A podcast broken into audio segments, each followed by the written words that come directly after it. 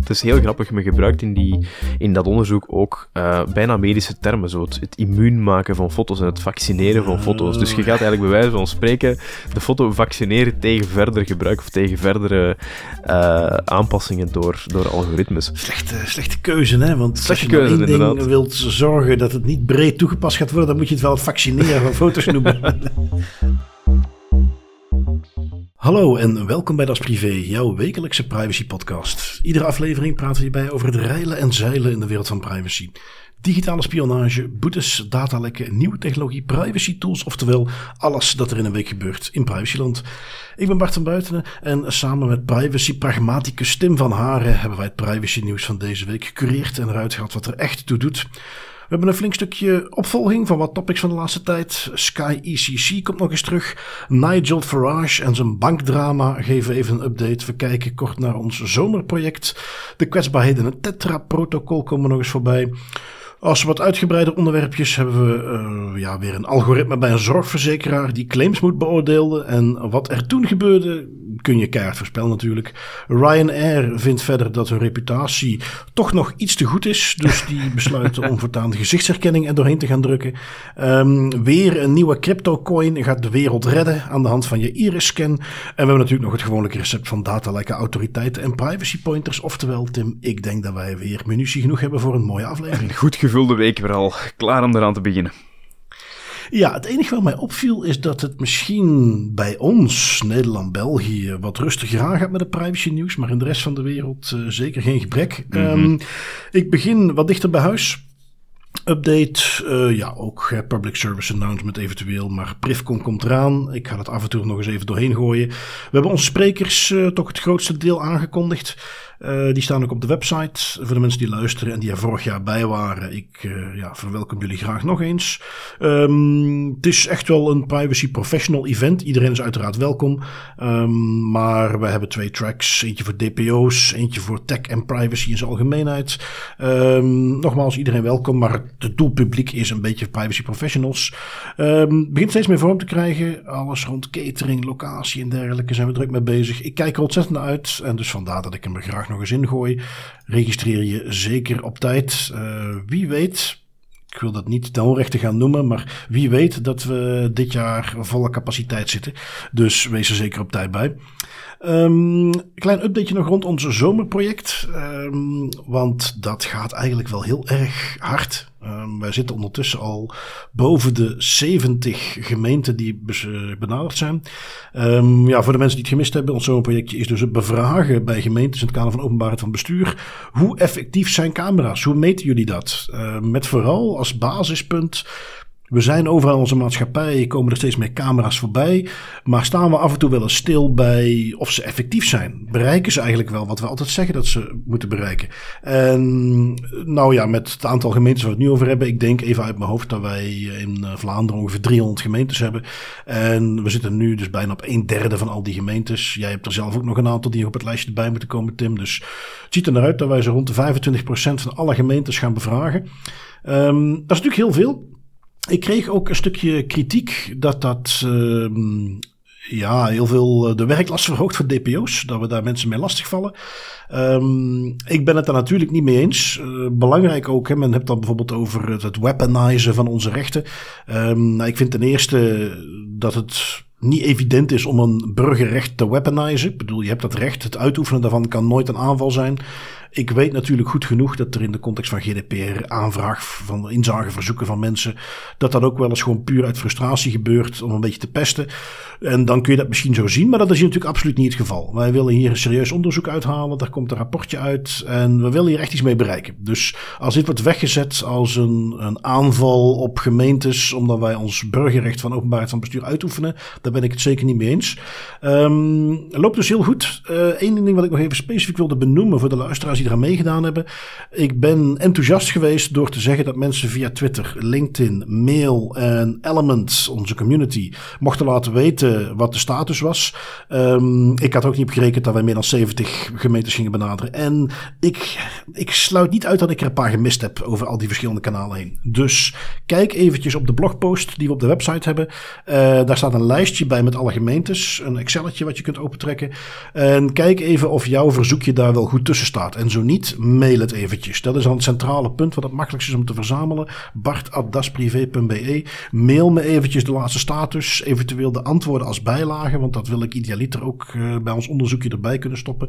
Uiteraard wel geanonimiseerd van de aanvragen. Dat haal ik er natuurlijk uit. Um, dus dat eventjes als update ook van het zomerproject. Kijk even na of jouw eh, gemeente met de laatste status in die Excel staat. En laat me even via mail weten um, wat de status is als die niet klopt. Dan kunnen we het netjes uh, updaten. Goed, dan hadden wij wat updates nog. Eentje Sky ECC ik zat te twijfelen of we daar een heel item aan moesten wijden, maar uiteindelijk is het meer van hetzelfde. Um, even kort herhalen, Sky ECC, dat zijn die uh, geëncrypteerde phones, telefoons waar de politie op is ingebroken en dus allerlei berichten van criminelen, miljarden kan onderscheppen. En ja, je hoort al als miljarden zijn, dat is dus iets waar we wel even mee bezig gaan zijn, of de politie wel even mee bezig is om daar alles uit te halen qua informatie. En dat blijft dus komen. Deze vond ik extra leuk, want hier hebben ze dus nu kennelijk in Albanië, uh, met hulp van de info die vanuit België komt, in Albanië hebben ze allerlei hooggeplaatste politici, politiebeambten, die nu aangeklaagd worden voor corruptie en samenwerking met criminelen, um, zijn er boven gekomen. En um, ja, dat vond ik toch wel een interessante, uh, dat men ook zelfs op dat niveau daar nu uit Sky ECC allerlei dingen uit kan halen. Dat is, uh, dat is heel cool en opnieuw, hè, dat zal de zoveelste in het rijtje zijn. En it's the gift that keeps on giving. Ik ben heel benieuwd wat we er eigenlijk allemaal nog gaan kunnen uithalen in de toekomst. Hè, want er komen de gekste dingen naar buiten. Nu is het in Albanië. God weet waar gaan we nog terechtkomen. Mm, absoluut. Um, dan even iets heel anders. Iets waar ik tegenaan liep. Iets wat, uh, en daarom dat ik het meer als een updateje meegeef. Ik ben wat navraag aan het doen hoe dat zit. Um, maar misschien dat jij er ervaring mee hebt. Hoe sta jij tegenover piercings en tattoos? Dat kan heel cool zijn bij andere mensen, alleen zou ik het nooit bij mezelf doen, want ik ben veel te ja, wispelturig op dat vlak. Ik zou een neuspiercing steken vandaag en dat volgende week kotsbeu zijn, bij wijze van spreken. Ja, nou ja, goed, dan, dan trek je hem eruit en dan zou het verdicht groeien, geloof ik, als je er op tijd bij bent. Um, en anders heb je altijd een spuitgaatje, ook leuk. Um, nu, toeval wil dat ik recent in een, um, een, een piercing of een tattoo salon was. Um, voor wie of wat, dat laat ik even in het midden. Maar ik was daar en kwam ik erachter dat men daar ook kopieën van identiteitskaarten vraagt. Om, um, ja, waarom eigenlijk? Dat was dan ook meteen mijn vraag. Uiteraard ben ik dan zo'n lastig figuur, al probeer ik het altijd op de meest toegankelijke manier te doen. Uh, niet al te bedweterig. En waarom moet je dat weten? Uh, maar gewoon netjes te vragen van, goh, ik zal meteen even zeggen, ik ben daar nogal gevoelig aan. Uh, ik snap dat je even moet kijken wat de leeftijden zijn. Misschien ook even de naam, geboortedatum wilt verifiëren. Maar ik weet niet goed waarom je daar een kopie van nodig hebt. Um, en dan kreeg je het antwoord waarvan je meteen weet, ah, hier wil ik meer van weten. Ja, dat moet. Oh. Oh, goh. En, en, en van wie moet dat dan? Ja, dat is mij altijd verteld. Ja, door wie is jou dat dan verteld? Ja, nou, gewoon in, in, in de opleiding. En ja, dat moet van de overheid. Oké, goh, waar dan? Hoe dan? Ja, nee, ja, daar weet ik ook niks. Ja, moet dan toch toegeven, dan ben ik niet snel geneigd om jou daar een kopie van te laten nemen. Um, ik snap dat je even moet verifiëren, uiteraard. Maar ja, kopie, dat zie toch niet zitten. Begrijp ik dan goed dat jullie hier eigenlijk, van iedereen die er ooit langs is geweest, ergens een archiefje, kopieën van de identiteitskaart hebben zitten? Ja, ja, ja, dat klopt. En, uh, en ja, goed, als u zegt dat dat niet hoeft, nou ja, weet je wat, laat het dan voor deze keer maar zitten. Ik wil daar zeker geen punt van maken. Um, en als het zou blijken dat wij dat niet hoeven te doen, ja, dan ben ik daar wel blij mee. Want we hebben inderdaad een heel archief liggen waar wij iedere keer moeten meeslepen en van alles mee moeten doen. En daar willen wij zelf ook niet. Um, dus ja, ik ben dan eens wat gaan kijken in de relevante wetgeving die ik erover kon vinden. Uiteraard staat er helemaal niks in over het bewaren van kopieën. Ik heb het nu nagevraagd bij uh, de FOD uh, Volksgezondheid, ook bij de DPO. En ik ben eens benieuwd wat eruit komt. Cool. Ik had geen flauw idee dat ze dat eigenlijk überhaupt zouden moeten vragen. Dus als het zo zou zijn dat er ergens een, een wettelijke verplichting dan is, I guess, ben ik heel benieuwd op wat die gestaafd is. Ja, nou kijk, uit mijn, uh, één ding kan ik jou meegeven. Uit mijn onderzoek ben ik er dus achter gekomen. Ja, je kunt natuurlijk tattoos en vooral piercings op allerlei plekken laten zetten. Ja, ja. En op het moment dat jij de piercings op intieme plekken laat zetten, dat mag wettelijk niet onder de 18. Oké, okay, interessant. Logisch ook ergens natuurlijk. Maar dan nog, dan heb, je, dan heb je voldoende met gewoon simpelweg, zoals jij ook al aangaf, hè, te verifiëren van oké, die ID-kaart en de persoon die zich hier komt aanmelden voor een piercing op een gevoelige plek dan, is die plus 18. Ja, absoluut. Kaartje even verifiëren. Um, en ik denk dus ook dat dit gewoon weer, en dat is echt wel een beetje een klassieker. Er is een wettelijke plicht om te checken of iemand een bepaalde leeftijd heeft. Dus wat doet iedereen dan om zich in te dekken? We gaan er een kopie van bijhouden. Terwijl dat dus eigenlijk niet nodig is. Je mag perfect noteren op een papiertje. Wij hebben op die datum geverifieerd dat die persoon inderdaad plus 18 is. Um, en that's it. Hè. Als daar ooit discussie over is. Ja goed, je hebt dat of wel of niet goed geverifieerd. Daar kan nooit discussie over zijn. Nee. Tenzij iemand met een valse identiteitskaart kwam. Um, Um, dus nee, daar ben ik benieuwd naar. En wie weet, ik weet ook niet hoeveel luisteraars er zitten die uh, in de piercing en tattoo scene zitten. Uh, laat het zeker even weten. En eventueel kunnen wij eh, straks een public service announcement doen aan alle tattoo en piercing salons in België. Je mag die gegevens gewoon weggooien. Sterker nog, eigenlijk, als het dus wettelijk niet moet, je moet ze zelfs weggooien. Dus ja, we zullen wel zien wat daaruit komt. Um, verder, wij spraken vorige week over Nigel Farage, onze Engelse superheld, tussen aanhalingstekens, van Brexit. Die uh, had iets te maken bij uh, de banken.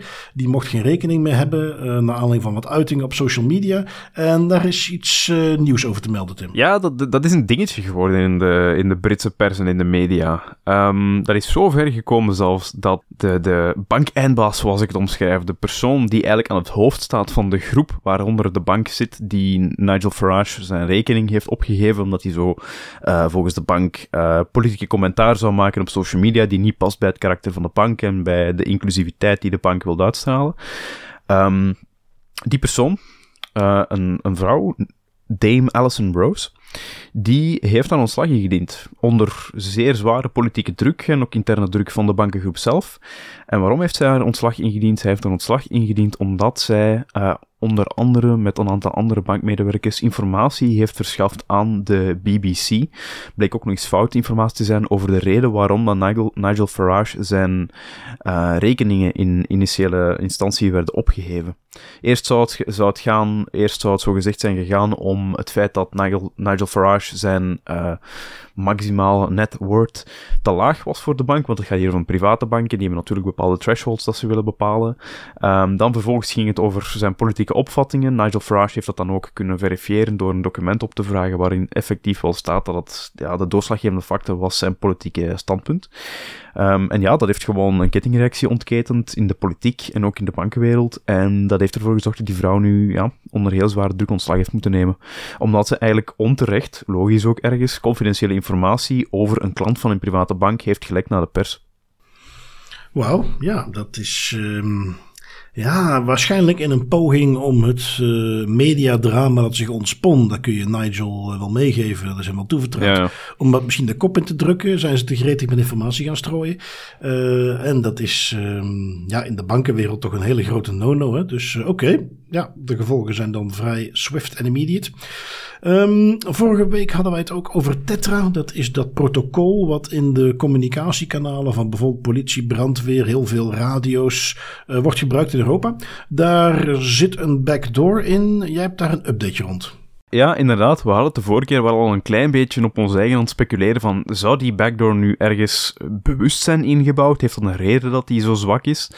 Um, en er komt nu meer informatie naar buiten daarover uh, van de voormalige voorzitter van het Tetra-project zelf, die ook mede verantwoordelijk was voor beveiliging van dat hele project en van die communicatiestandaard. Um, Gert Roelofsen, en die man, die, die Gert, ja, die zegt eigenlijk tegenover onder andere de Volkskrant en andere Nederlandse media, uh, dat de Tetra-standaard, dat hij het vreemd vindt dat er zo um, geschrokken wordt gedaan over het feit dat die kwetsbaarheden in de Tetra-communicatiestandaard nu ontdekt zijn, omdat volgens hem de Nederlandse overheid al meer dan 30 jaar op de hoogte zou moeten zijn van de zwakheid in die Tetra-standaard, omdat het namelijk de Nederlandse overheid is die initieel heeft gevraagd om de standaard zo zwak te maken. Hmm. Dus dat is, dat is best wel interessant, dat we ergens nu een ontwikkeling zien waarin dat blijkt dat tijdens de ontwikkelingsfases van het project, tijdens de ontwikkeling van die standaard, de Nederlandse overheid um, in discussie is gegaan met de oprichters van de standaard om ervoor te zorgen dat die uh, encryptiestandaarden afgezwakt gingen worden naar een bitlengte die dan gemakkelijker te, te ja, decrypteren zou zijn. Ja, ik heb daar nog een interessante ehm, aanvulling over gehoord. Um, iets waar je niet vaak tegenaan loopt, maar het is een feit dat je bepaalde exportrestricties hebt op het exporteren van uh, cryptografie. Um, als ik dus een product maak met ja, wat bepaalde nieuwe cryptografische algoritmes in zich heeft en ik wil het gaan verkopen, um, dan zijn er internationale regels die bijvoorbeeld zeggen dat ik dat niet aan bepaalde regimes mag exporteren.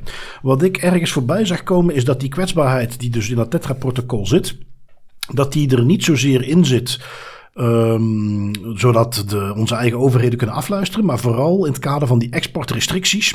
Dat dat een van de voorwaarden is om überhaupt een protocol te kunnen exporteren. Dat er zo'n soort backdoor in zit. Zodat, laten we zeggen, bevriende mogendheden uh, makkelijker kunnen afluisteren.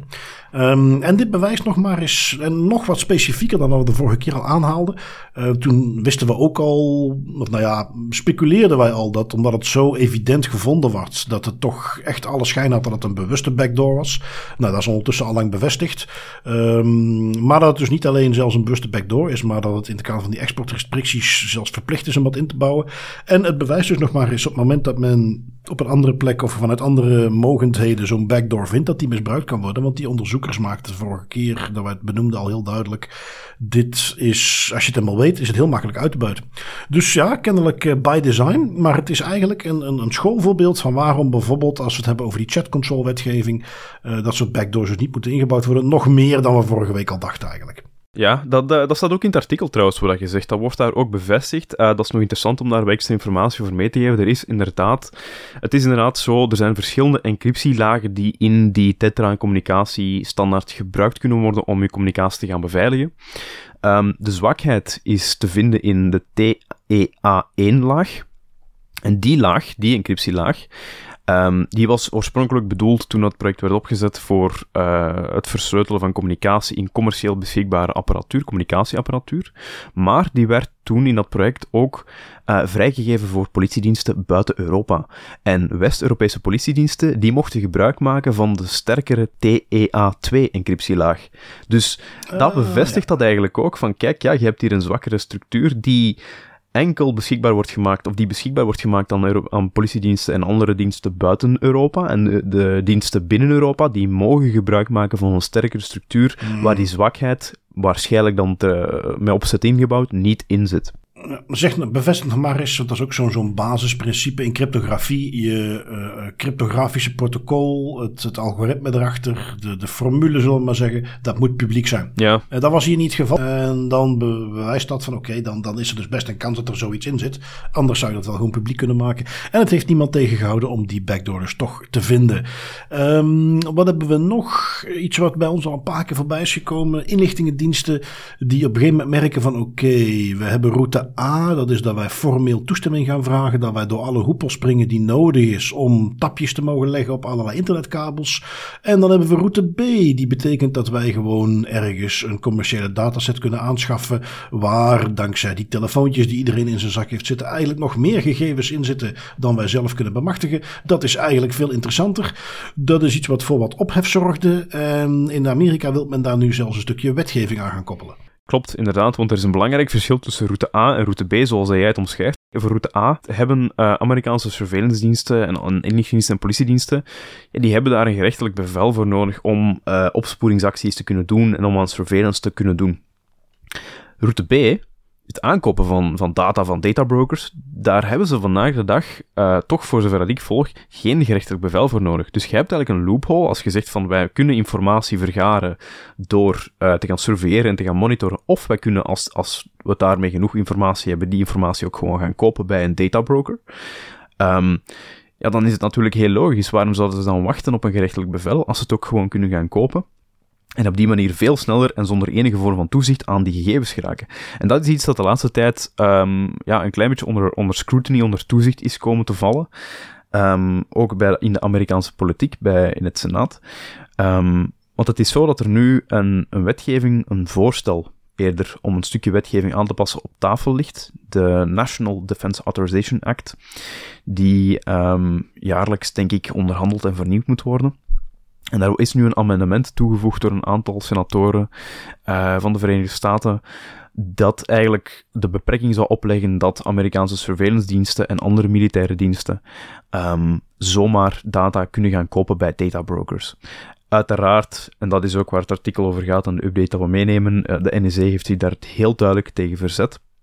En geeft ook mee van, kijk, als wij uh, niet snel kunnen schakelen en niet snel ons ding kunnen doen, en dan krijgen we weer de usual triad van terrorisme en, en criminaliteit, dat dan de spui gaat oplopen en de hele Amerikaanse samenleving zal gaan instorten als de NSA niet mag gaan spioneren. Ja.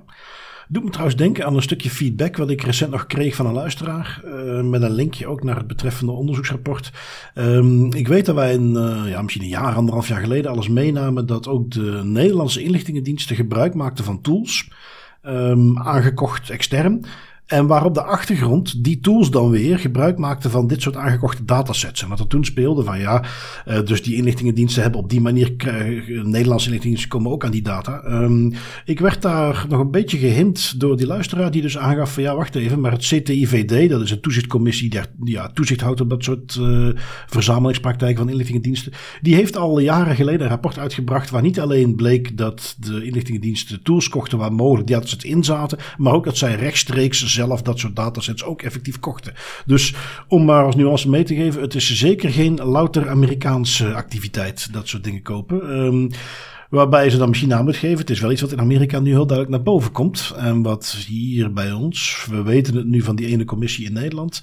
Maar waarschijnlijk dat dat, eh, kom, als de NRC het doet, als de Nederlandse inlichtingendienst doet, dan mag je ervan uitgaan, dan doet iedere inlichtingendienst dat. Het is nu eenmaal gigantische hoeveelheden data over mensen die gewoon vrij beschikbaar is.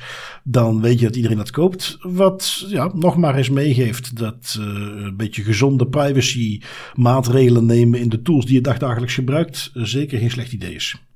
Dit waren eigenlijk nog maar een beetje onze updates van de topics van de laatste tijd. Um, ja, in ieder geval leuk om die eventjes nog wat te overlopen. We blijven dat soort dingen gewoon opvolgen. Um, wat andere dingen die we nog hebben meegenomen.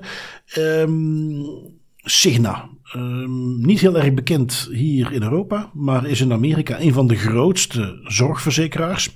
En ja, je voelt hem al komen. Wat doet een zorgverzekeraar uiteindelijk? Die krijgt claims binnen van uh, leden, van mensen die aangesloten zijn bij die verzekering. En die moet dan gaan bepalen of die dat wel of niet gaat uitkeren. Um, ja, ik denk dat bijna iedereen ondertussen al weet dat healthcare in de Verenigde Staten sowieso al ontzettend waardeloos is. Uh, dat als je een zorgverzekering hebt, dat je al, nou, dat is al niet standaard, uh, dat die heel duur zijn. Dus of je werkgever voorziet die, of je bent gewoon, ik zie zo op, op sites zoals Reddit en zo zie ik vaak facturen voorbij komen van de healthcare van Amerikanen. Dan hebben we het letterlijk over, ik ben opgehaald door een ambulance en nu heb ik 100.000 dollar die ik moet betalen. Um, ja, iets waar wij als Europeanen, waar in, in Europa bijna ieder land wel een vorm heeft van een minimale dekking voor gezondheidskosten. Daar kunnen wij niet bij. Maar goed, het is zo. Uh, heb je dan wel een zorgverzekering, dan uh, zie ik ook op datzelfde soort post vaak voorbij komen. Dan ben je er nog niet. Het wordt of niet helemaal gedekt, of de verzekeraar zoekt een reden waarom ze niet moeten dekken. Uh, Signa heeft daar ja, een, een, overtreffende trap voor gevonden. Zij gaan, hoe kan het ook anders, of zij gaan, zij hebben een algoritme ingeschakeld om aanvragen te gaan beoordelen. Um, om precies te zijn, hebben zij in de afgelopen uh, in twee maanden vorig jaar, hebben zij van 300.000 claims die werden ingediend, hebben zij binnen 1,2 seconden besloten die is onterecht. Um, je voelt, sorry, je voelt hem al komen. Uh, dat is geen mens meer die gedaan heeft. Officieel moet er wel een dokter zelf zeggen: uh, ik teken hierop af. Ja, dat is oké. Maar onderzoek laat dan zien: uh, ProPublica heeft daar onderzoek naar gedaan. Dat die doktoren de files zelfs niet open hebben gedaan en dat gewoon blind accepteren. Um, en ja, dus de, bottom line hier is dus dat door de inzet van dat algoritme, van die AI-tool, om het maar even in de heel brede naam mee te geven, dat er dus honderdduizenden mensen zijn wiens claim binnen een seconde wordt afgewezen. Waar dan nader onderzoek natuurlijk vaak weer laat zien. En dat is ook de, de class action lawsuit die hier nu aan gekoppeld is. Dat het onterecht is.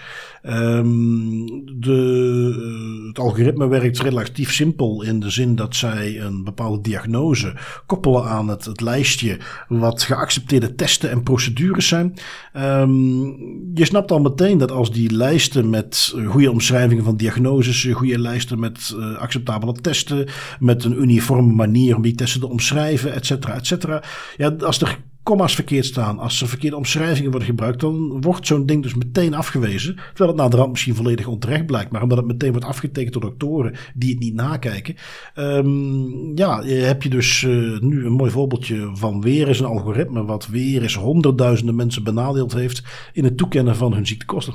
Ja, damn. Serieus, thank God for GDPR moment ook. Want uh, de GDPR in, wat was het, artikel 22 denk ik, als ik me niet vergis, geeft ook gewoon simpelweg de mogelijkheid op om niet te worden onderworpen onder geen enkel beding aan een geautomatiseerde besluitvorming zoals dat hier is, als dat u in een bepaalde mate uh, hard treft, of als dat bepaalde ja, juridische gevolgen heeft. Wat dat hier sowieso het geval is.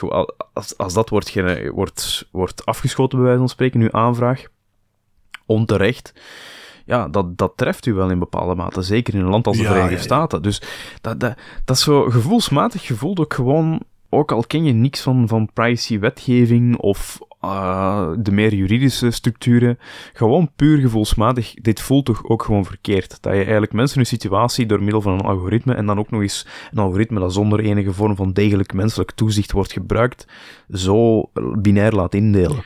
Ja, en eh, dan zie je dus inderdaad weer waarom het een, een serieus thank God voor GDPR moment is. Want dit is iets wat hier dus niet kan je zegt het zelf al, beslissingen volledig geautomatiseerd die een significante impact hebben. En dit soort dingen rond ziektekosten valt daar inderdaad zeker onder. Maar ook hypotheken bij banken bijvoorbeeld.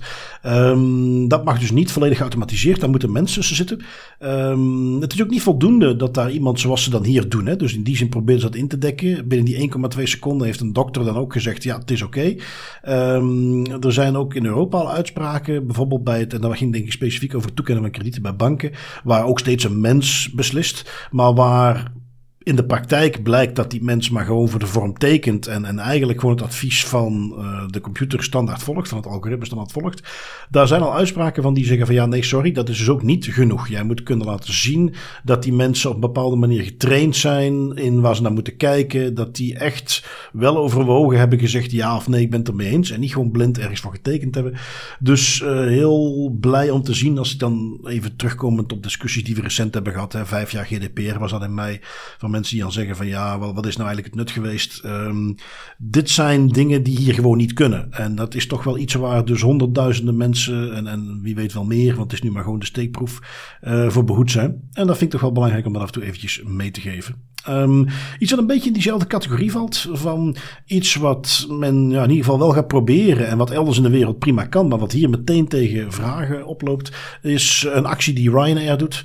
Um, ik gaf het in de intro al aan. Ryanair toch niet meteen de organisatie met de beste reputatie. Maar als je ook die, die baas van Ryanair wel eens hoort, lijkt het alsof hij zich daar effectief gewoon helemaal niks van aantrekt. En er misschien zelfs op uit is om zo controversieel mogelijk te zijn. Onder het mom van no such thing as bad publicity of zo. Um, hun laatste actie is dat zij in bepaalde gevallen een gezichtsscan eisen ter verificatie. Jij hebt hem meegenomen, Tim. Hoe willen ze dat precies gaan aanpakken? Wel, uh, het was een specifieke situatie waarin een uh, Spaanse vrouw voor de situatie komt te staan dat ze inderdaad een gezichtscan, facial recognition, um, moest meegeven aan Ryanair om te verifiëren dat zij wel effectief was wie ze beweren te zijn. Um, waarom was dat? Omdat die vrouw um, ja, naar, naar verluid een reis had geboekt of een pakket, pakketreis had geboekt in een of andere, in een of andere ja, maatschappij, uh, waarin, waarin dan ook een Ryanair-ticket zat en die informatie die had meegegeven moest nog eens geverifieerd worden door Ryanair. En Ryanair gaf er vervolgens de keuze om ofwel het proces online te doorlopen en dan ook een facial recognition verificatie te, te doorlopen, of om minstens twee uur voor het opstijgen u te melden bij de incheckbalie van de luchtvaartmaatschappij om dan daar de verificatie te doen. Wat dat, ja, dat is ook al niet evenredig. Um, het, bizarre is dat Ryanair doet dit dus alleen bij reisbureaus die boekingen hebben doorverkocht.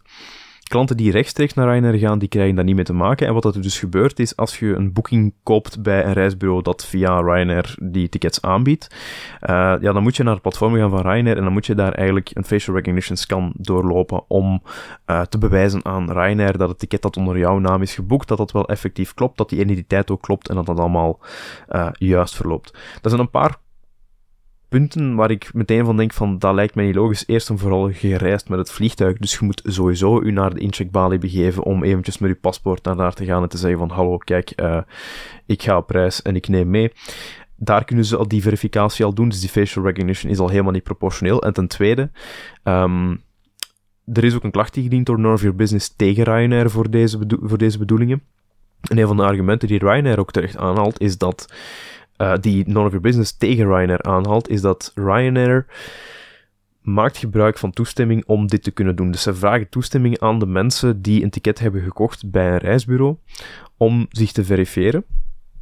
Nu, dat is al vreemd, want als je geen toestemming geeft, dan mogen twee uur op voorhand naar de luchtvaartmaatschappij gaan. Dat is niet redelijk.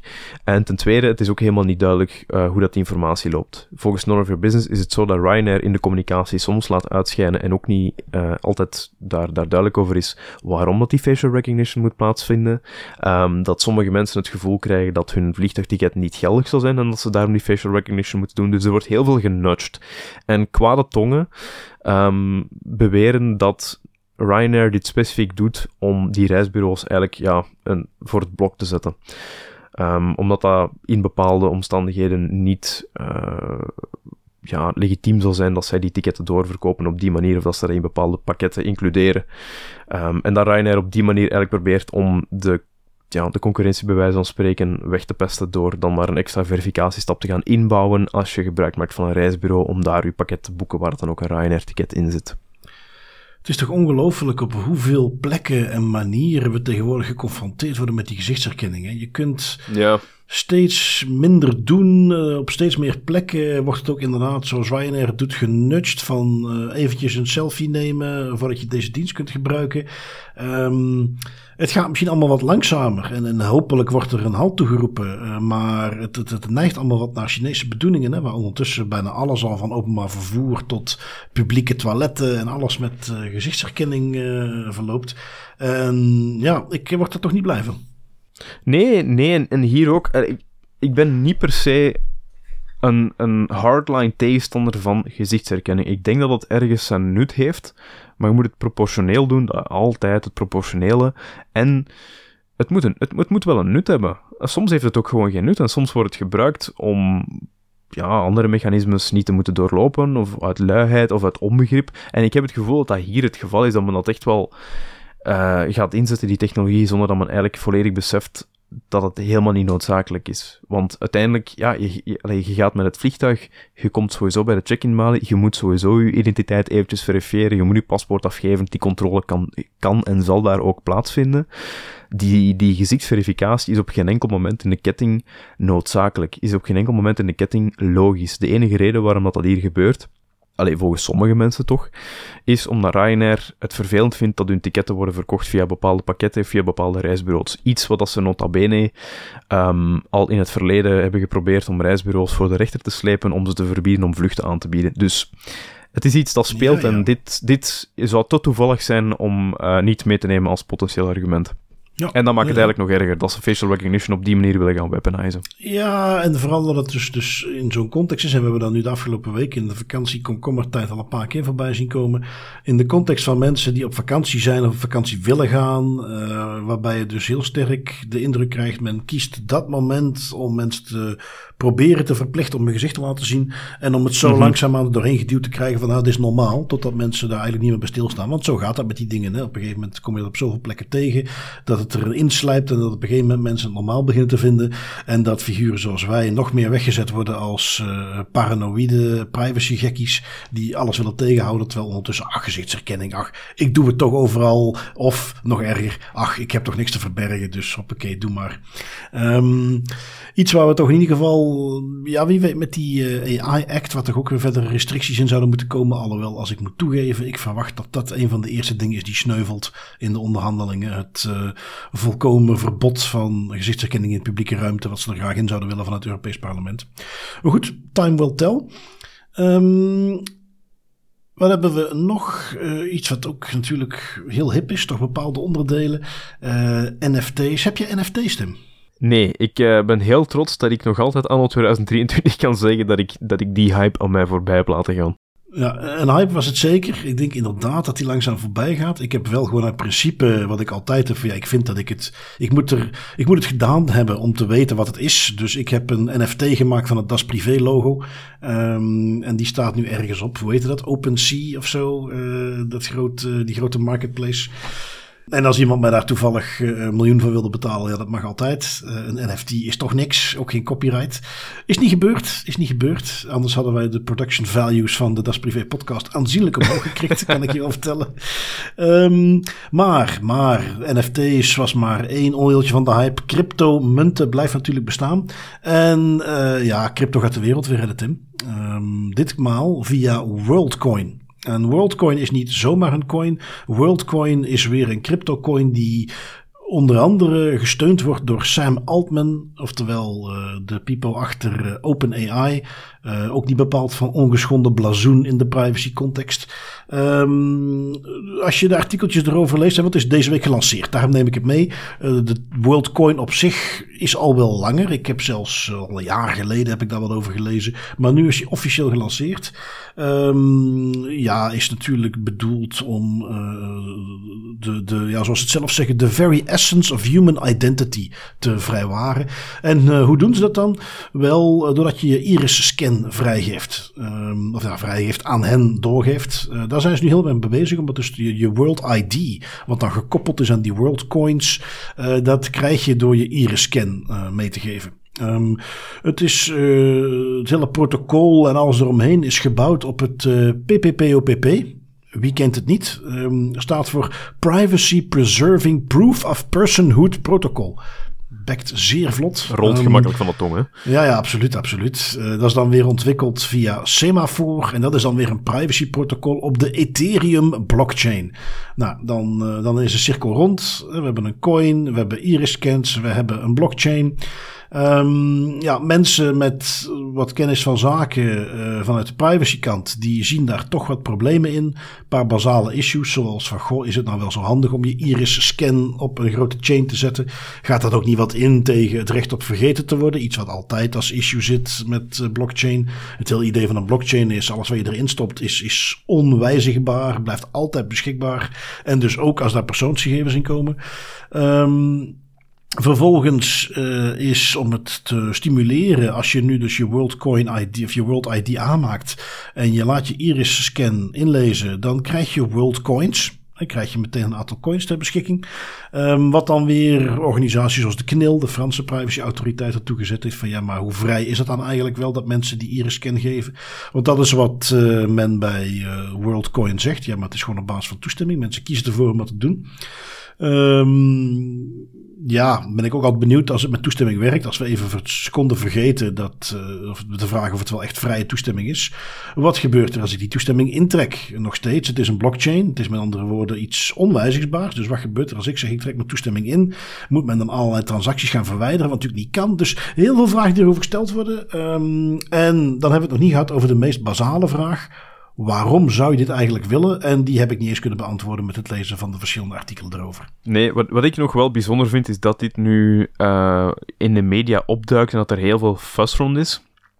Terwijl het eigenlijk een project is dat al loopt sinds tenminste 2022 en waarschijnlijk zelfs nog iets vroeger. Um, toen Sam Altman en zijn team achter WorldCoin naar Zuidoost-Azië zijn getrokken om daar dan in ja, vooral arme regio's, for lack of a better term, met die, uh, met die orb, zoals het dan heet, die iris-scanner, uh, te gaan rondlopen en dan daar de lokale dorpjes, uh, bij wijze van spreken, de, iris te, de iris-scans te gaan plunderen in ruil voor, ja, een paar centen, bij wijze van spreken, voor, voor, voor WorldCoin en voor het bedrijf daarachter. Um, bij wijze van test, dus en daar was toen ook al heel veel kritiek over. Onder andere de MIT Technology Review heeft daar een heel goed artikel over geschreven. Ik zal het ook meenemen in de show notes. Um, over hoe dat die technologie toen werd ingezet. Hoe dat die mensen werden gelokt met onder valse beloftes en valse pretenties. Um, om toch maar toen een half miljoen iris-kans te kunnen gaan vergaren. Um, het feit dat dat nu terug de kop opsteekt. Ja, dat dat is ja, we zullen zien wat het ervan komt natuurlijk, maar ik vind het nog altijd gewoon heel veel marketing fuss. Um, de manier hoe het gepresenteerd wordt, doet me daar ook aan denken. Hè. Het, is, het is niet gewoon een machine, een scanner. Het is een soort futuristische science fiction bol waar je dan moet voor gaan staan en dat ding scant je ogen en dan krijg je eigenlijk je world coins. Um, alles is, alles heeft een heel gelikt jasje en ziet er heel cool uit, maar de echte noodzaak ervan ontgaat ook mij. Ja, zeg, met dat wij het er nu over hebben, dacht ik, ik zal eens even rap een zoekdingetje doen in onze show notes. Of wij het al eens over uh, WorldCoins gehad hebben. Volgens mij wel, hè? 24 oktober 2021 hadden wij het Ah, voilà. Met, en ook toen was het al de iris-scan. Ehm, ik had het eventjes van tevoren moeten checken. Dus dat is wel hilarisch, hè? Het is dus al iets wat al bijna twee jaar geleden is als ze het al geprobeerd hebben. Is niet goed gelukt. En nu is Sam Altman met OpenAI ineens populair geworden. En ze denken, weet je wat, we gaan het gewoon nog eens lanceren. Dat maakt al helemaal dubieus. Voor zover er mensen waren die daar anders over dachten. Dat is privé, dat is beter. Blijf daar vooral heel ver uit de buurt, denk ik dan. Um, wat hebben wij nog meegenomen? Ja, iets wat een beetje erop aanleunt, maar dan meer gezichtsherkenning.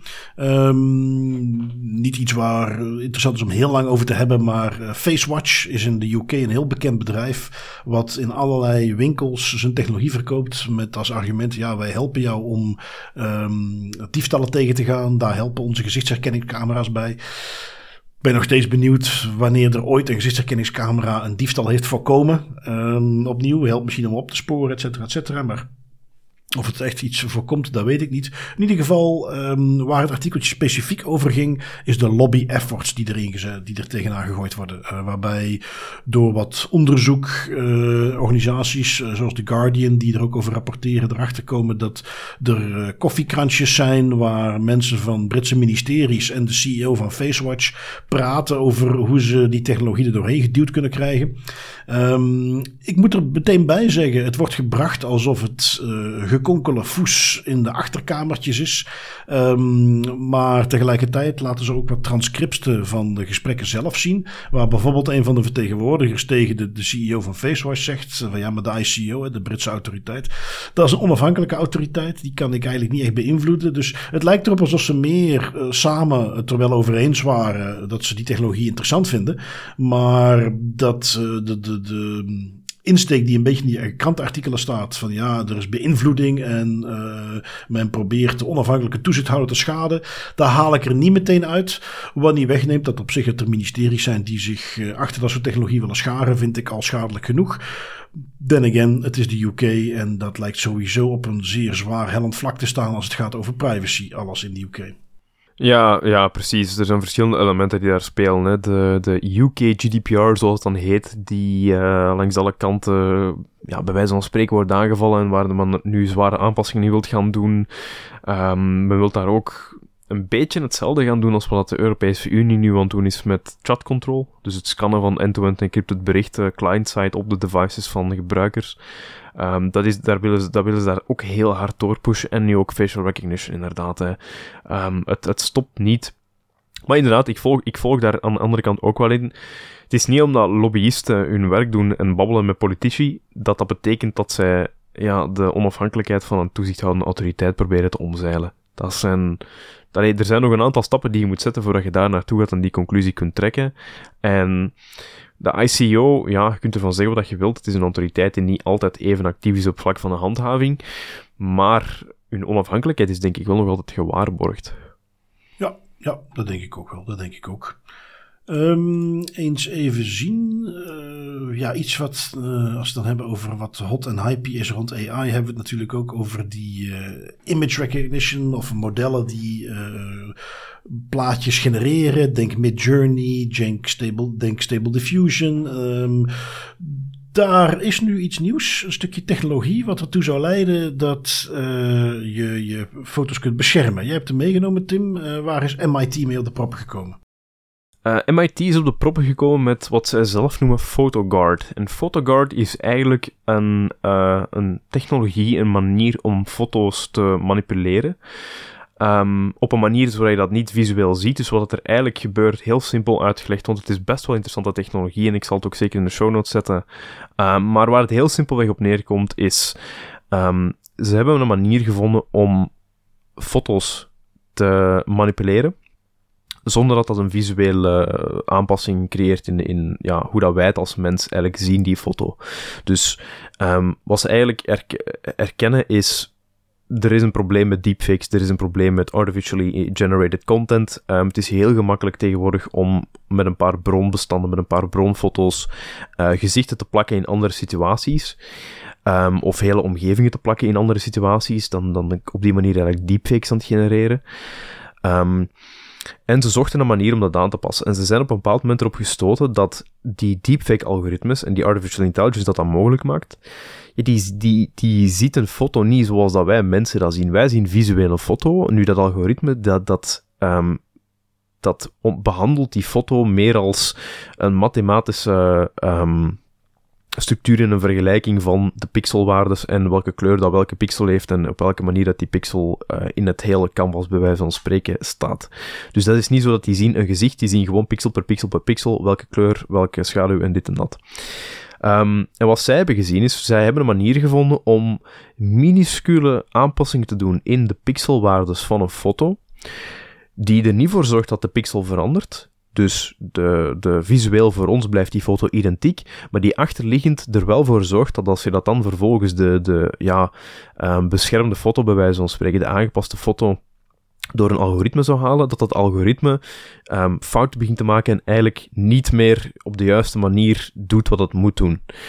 Um, heel gebruiksvriendelijk trouwens. Ik ben, ben best wel onder indruk. Ik heb ook een YouTube-filmpje in de show notes gezet van anderhalve minuut, waar ze dat eigenlijk heel simpelweg showcaseen.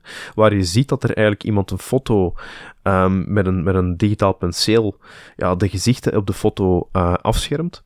En dan vervolgens door een deepfake probeert om, om nieuwe afbeeldingen te laten genereren met die foto. En die maakt keer op keer fouten, die deepfake-algoritmes. Die maken keer op keer, herkennen die eigenlijk de gezichten niet meer, omdat de, de wiskundige waarden achterliggend in de foto zodanig zijn aangepast dat die algoritmes dat niet herkennen en fouten maken.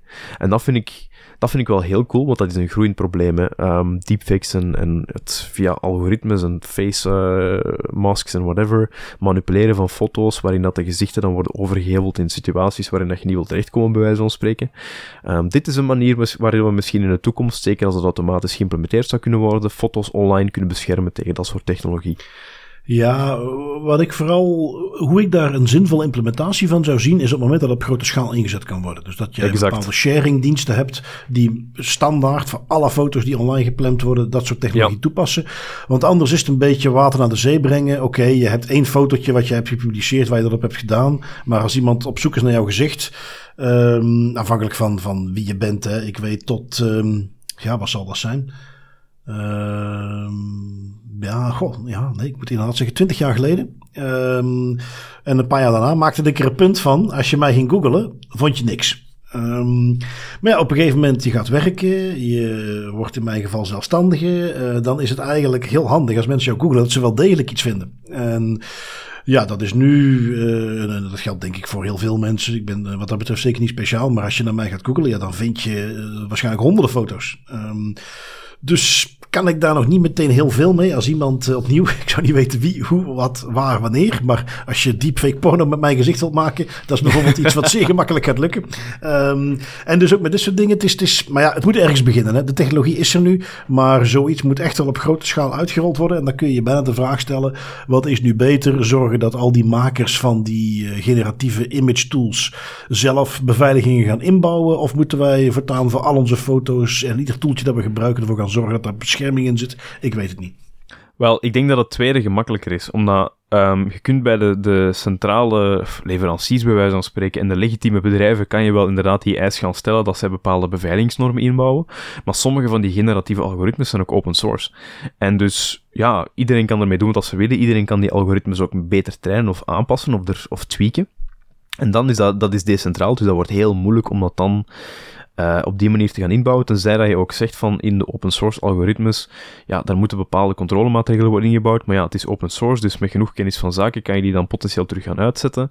Ik denk dat het gemakkelijker is, eh, heel simpel voorbeeld, hè, maar stel dat deze technologie iets matuurder wordt en gemakkelijk ingezet kan worden, want het is vandaag de dag nog redelijk heavy uh, qua rekenkracht om die dingen te kunnen, te kunnen toepassen. Stel dat je zegt, hè, elke foto die op Instagram wordt opgeladen, wordt eventjes door die mm. beveiligingslaag gehaald, wordt bij wijze van spreken. Zo, het is heel grappig, men gebruikt in, die, in dat onderzoek ook uh, bijna medische termen, zo het, het immuun maken van foto's en het vaccineren van foto's. Dus je gaat eigenlijk bij wijze van spreken de foto vaccineren tegen verder gebruik of tegen verdere uh, aanpassingen door, door algoritmes. Slechte, slechte keuze, hè? Want slechte als je keuze, één ding wilt zorgen dat het niet breed toegepast gaat worden, dan moet je het wel vaccineren van foto's noemen. Allerlei doelgroepen die het niet willen horen. Onfortuinlijke keuze, maar dat is wel wat het op slaat. Hè. Je, gaat het, je gaat het ervoor zorgen dat een foto immuun is tegen, een bestand is tegen uh, algoritmische aanpassingen. Bijvoorbeeld met deepfakes het lijkt me ergens ook een kat-en-muisspelletje. Nu hebben ze dan die techniek gevonden om ze immuun te maken. Maar visueel is er niks veranderd. Dus dat betekent voor mij dat het ook weer mogelijk moet zijn om een algoritme te maken. wat daar dan weer doorheen kan kijken. Nou ja, we zullen zien waar het heen gaat. In ieder geval is het wel interessant en nuttig onderzoek. Um, want het kan helpen om uh, dingen zoals datalekken te voorkomen. En uh, ik denk dat wij er deze week toch nog twee hebben. Jij hebt er eentje in de categorie Gift That Keeps On Giving. Wij waren, en, en wat dat betreft zeker niet profetisch. Uh, iedereen met een beetje security kennis wist al lang waar het op uit ging draaien. Maar die Move It software die datatransfers mogelijk maakt en die op heel veel plekken gebruikt wordt, dat blijft uh, een, een issue. Hè. Die kwetsbaarheid die blijft uh, uitgemolken worden. Jij hebt hem meegenomen van security.nl. Wie is er nu weer de pineut? Ja, de zoveelste in het e steeds groeiend rijtje van slachtoffers van de Move It uh, Zero Day. Ondertussen staat die teller trouwens op 513. Vorige week waren we nog in de 400. Dus het blijft maar stijgen. Um, deze keer is het de Maximus aan de beurt. En Maximus is een Amerikaanse dienstverlener die uh, wereldwijd internationaal overheidsprogramma's beheert en uitvoert. Dus je kunt al raden naar gevoeligheid waar dat dit naartoe gaat. Um, van Maximus. Zij zijn dus ook slachtoffer geworden van de ransomware-bende Klop, die gebruik heeft gemaakt van de MoveIt uh, Zero Day om ja, allemaal informatie te stelen. Um, nu is ongeveer de berekening gemaakt dat ongeveer 8 tot 11 miljoen personen hun gegevens is gestolen via uh, Maximus. En dan gaat het daar onder andere om ja, de dingen die je ziet terugkomen in de sociale verzekeringsdiensten, studentenleningen van overheidsprogramma's, dus social security nummers, gezondheidsgegevens en andere gevoelige persoonlijke informatie.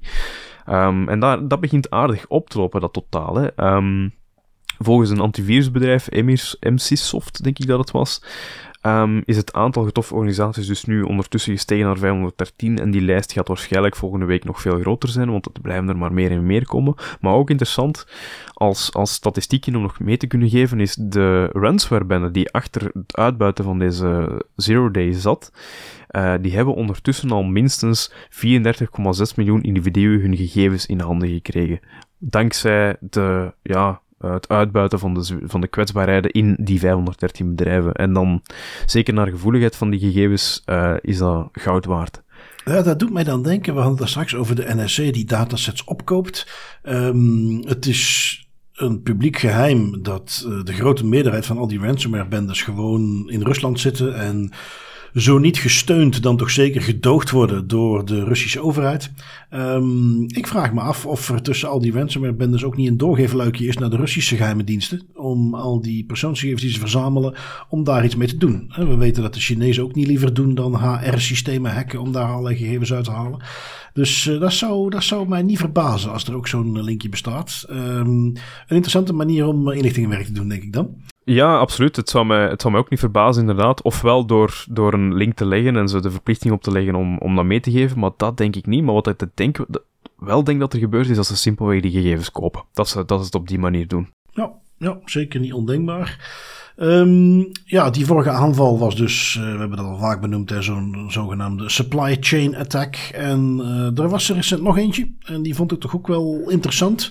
Eén ehm, vanwege de omvang en, en, en de gerichtheid. Maar het tweede ook hoe ze ermee omgingen. En ik heb het over de Noorse overheid. Die hebben een gedeeld ICT-platform waar twaalf ministeries op werken. En uh, vorige week kwam naar buiten, ik denk net nadat wij onze vorige aflevering uh, hadden opgenomen, dat die uh, gehackt zijn. Um, ja, allerlei ministeries. Alleen de meest gevoelige ministeries zitten er niet op. Maar voor de rest hebben we het over ja, ministerie van Justitie en van de, de eerste minister en Defensie. Die zitten daar dus niet op. Maar voor de rest zitten twaalf ministeries daar dus op. Um, wat toen wat kritiek op werd gegeven is dat er niet werd verteld over welke software gaat dat dan. Um, nu, en dat was dan de update die ik er ook nog over meenam, uh, blijkt dat dat bewust is. Er wordt namelijk gebruik gemaakt van een software die Ivanti heet. Die ken ik toevallig ook. Die ben ik eigenlijk zelfs bij meerdere klanten alles tegengekomen. Die zij gebruiken voor van alles en nog wat. Projectmanagement, uh, asset management, uh, ticketing, noem maar op. Een, een, corporate tool die best gekend is. Dus ook door de Noorse overheid werd gebruikt. In dit geval de Endpoint Manager. Dus hetgene wat gebruikt werd om alle mobiele telefoons en mobiele toestellen te beheren. Um, je snapt meteen dat als je daar toegang toe hebt, dat je meteen toegang hebt tot heel veel informatie. Um, en de reden waarom ze dus vorige week daar wat schimmig over deden, is gewoon omdat ze zeiden van ja, we hebben toen contact gehad met die van die op dat moment was er nog geen fix. Dus als wij naar buiten brengen, wij zijn gehackt door kwetsbaarheden, zero day zoals dan zo mooi heet, in de Ivanti Endpoint Manager Mobile, heb je kans dat in dat tussentijd dat Ivanti zelf met een update komt en hackers dat lezen, dat die zelf die kwetsbaarheid doelbewust gaan zoeken en gaan vinden en op die manier nog op veel plekken binnen kunnen komen. Dus daarom dat wij wat schimmig deden.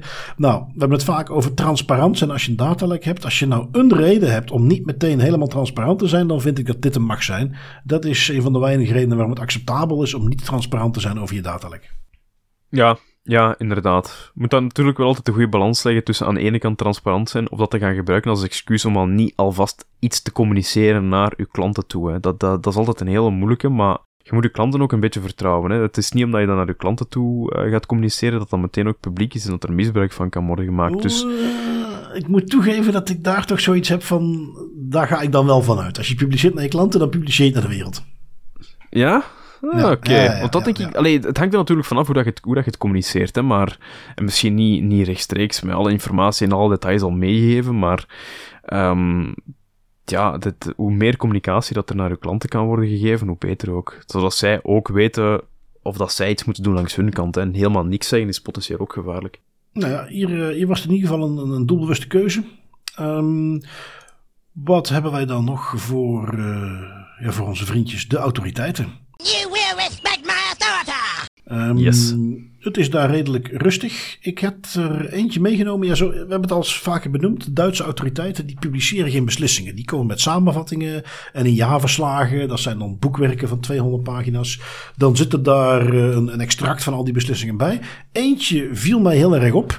Uh, waarbij ik niet wil insinueren dat ik dat zelf allemaal door aan het lezen was. Maar ik zag hem op de, onze favoriete website, de Enforcement Tracker. En in eerste instantie denk je, oh, dit is een klassieker. Um, WhatsApp-foto of een WhatsApp-groepje. Daar wordt een foto op gedeeld. Uh, is in een uh, zakelijke context, als in het is een groepje met collega's. Foto gedeeld. Je had er niet gedeeld mogen worden, wordt iemand op de vingers getikt. Um, maar dit was een beetje een speciale. Um, Tim, welke functie binnen dat bedrijf, welke persoon, denk jij dat die foto deelde?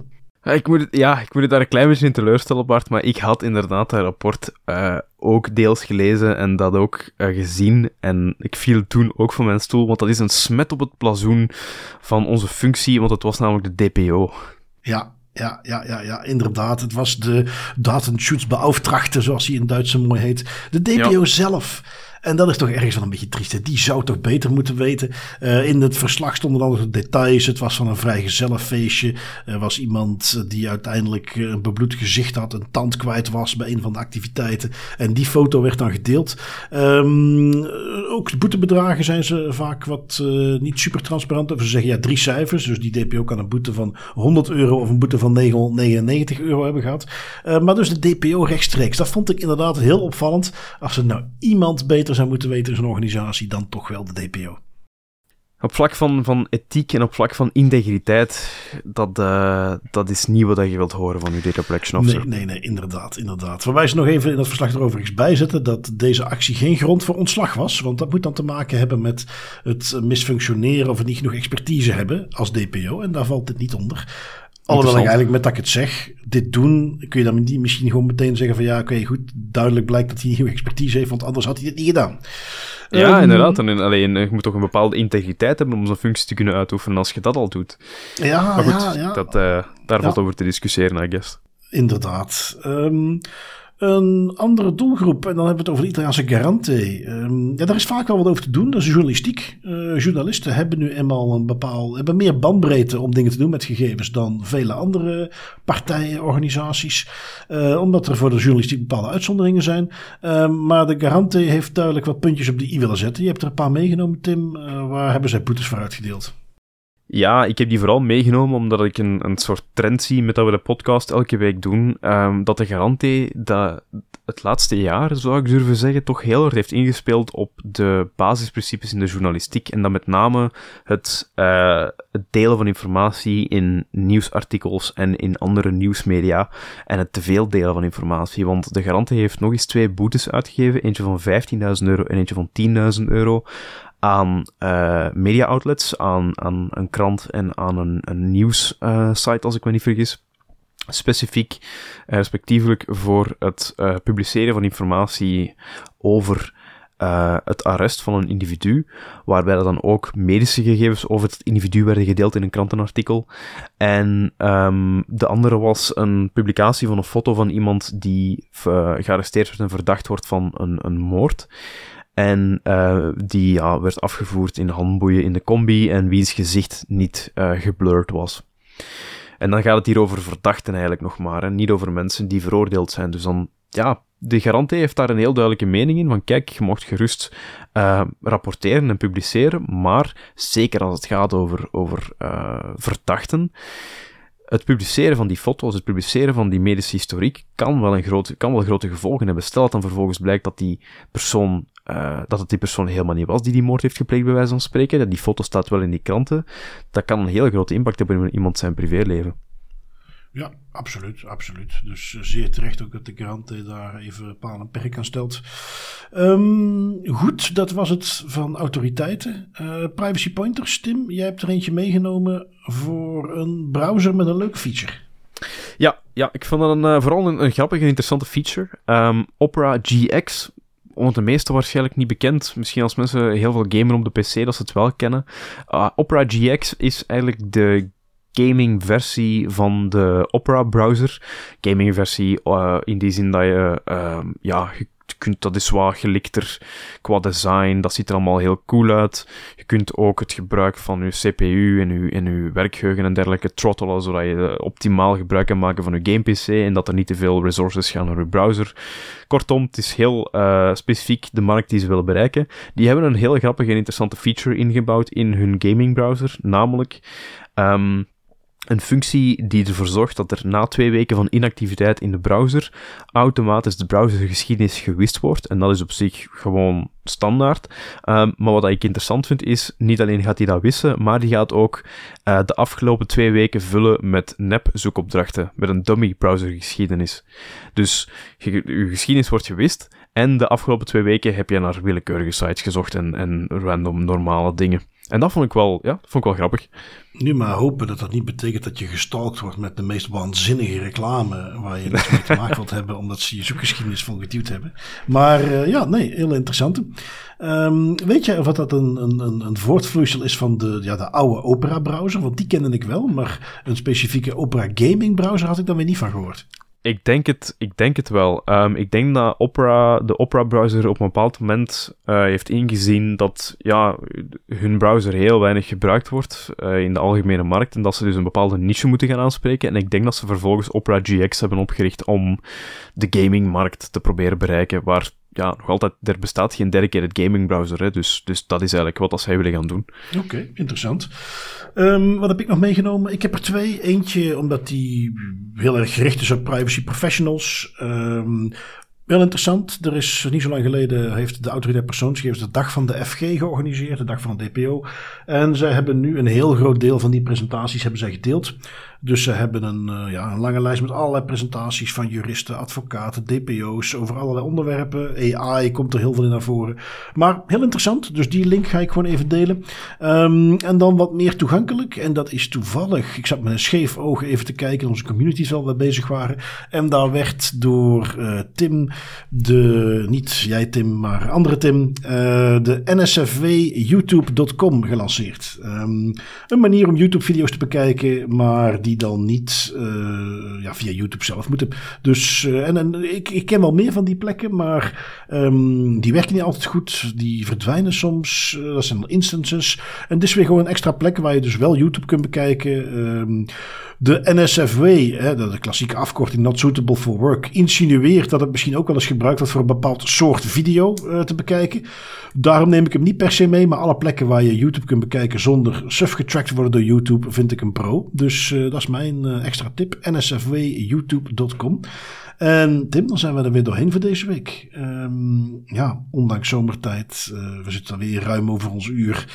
Geen gebrek aan onderwerpen. Ehm, met een beetje geluk doen wij volgende week nog eens een live opname. En uh, ja, ik kijk er vast naar uit. Het was me weer genoegen. Ik spreek jou volgende week. Zoals altijd Bart, met heel veel plezier en tot volgende week.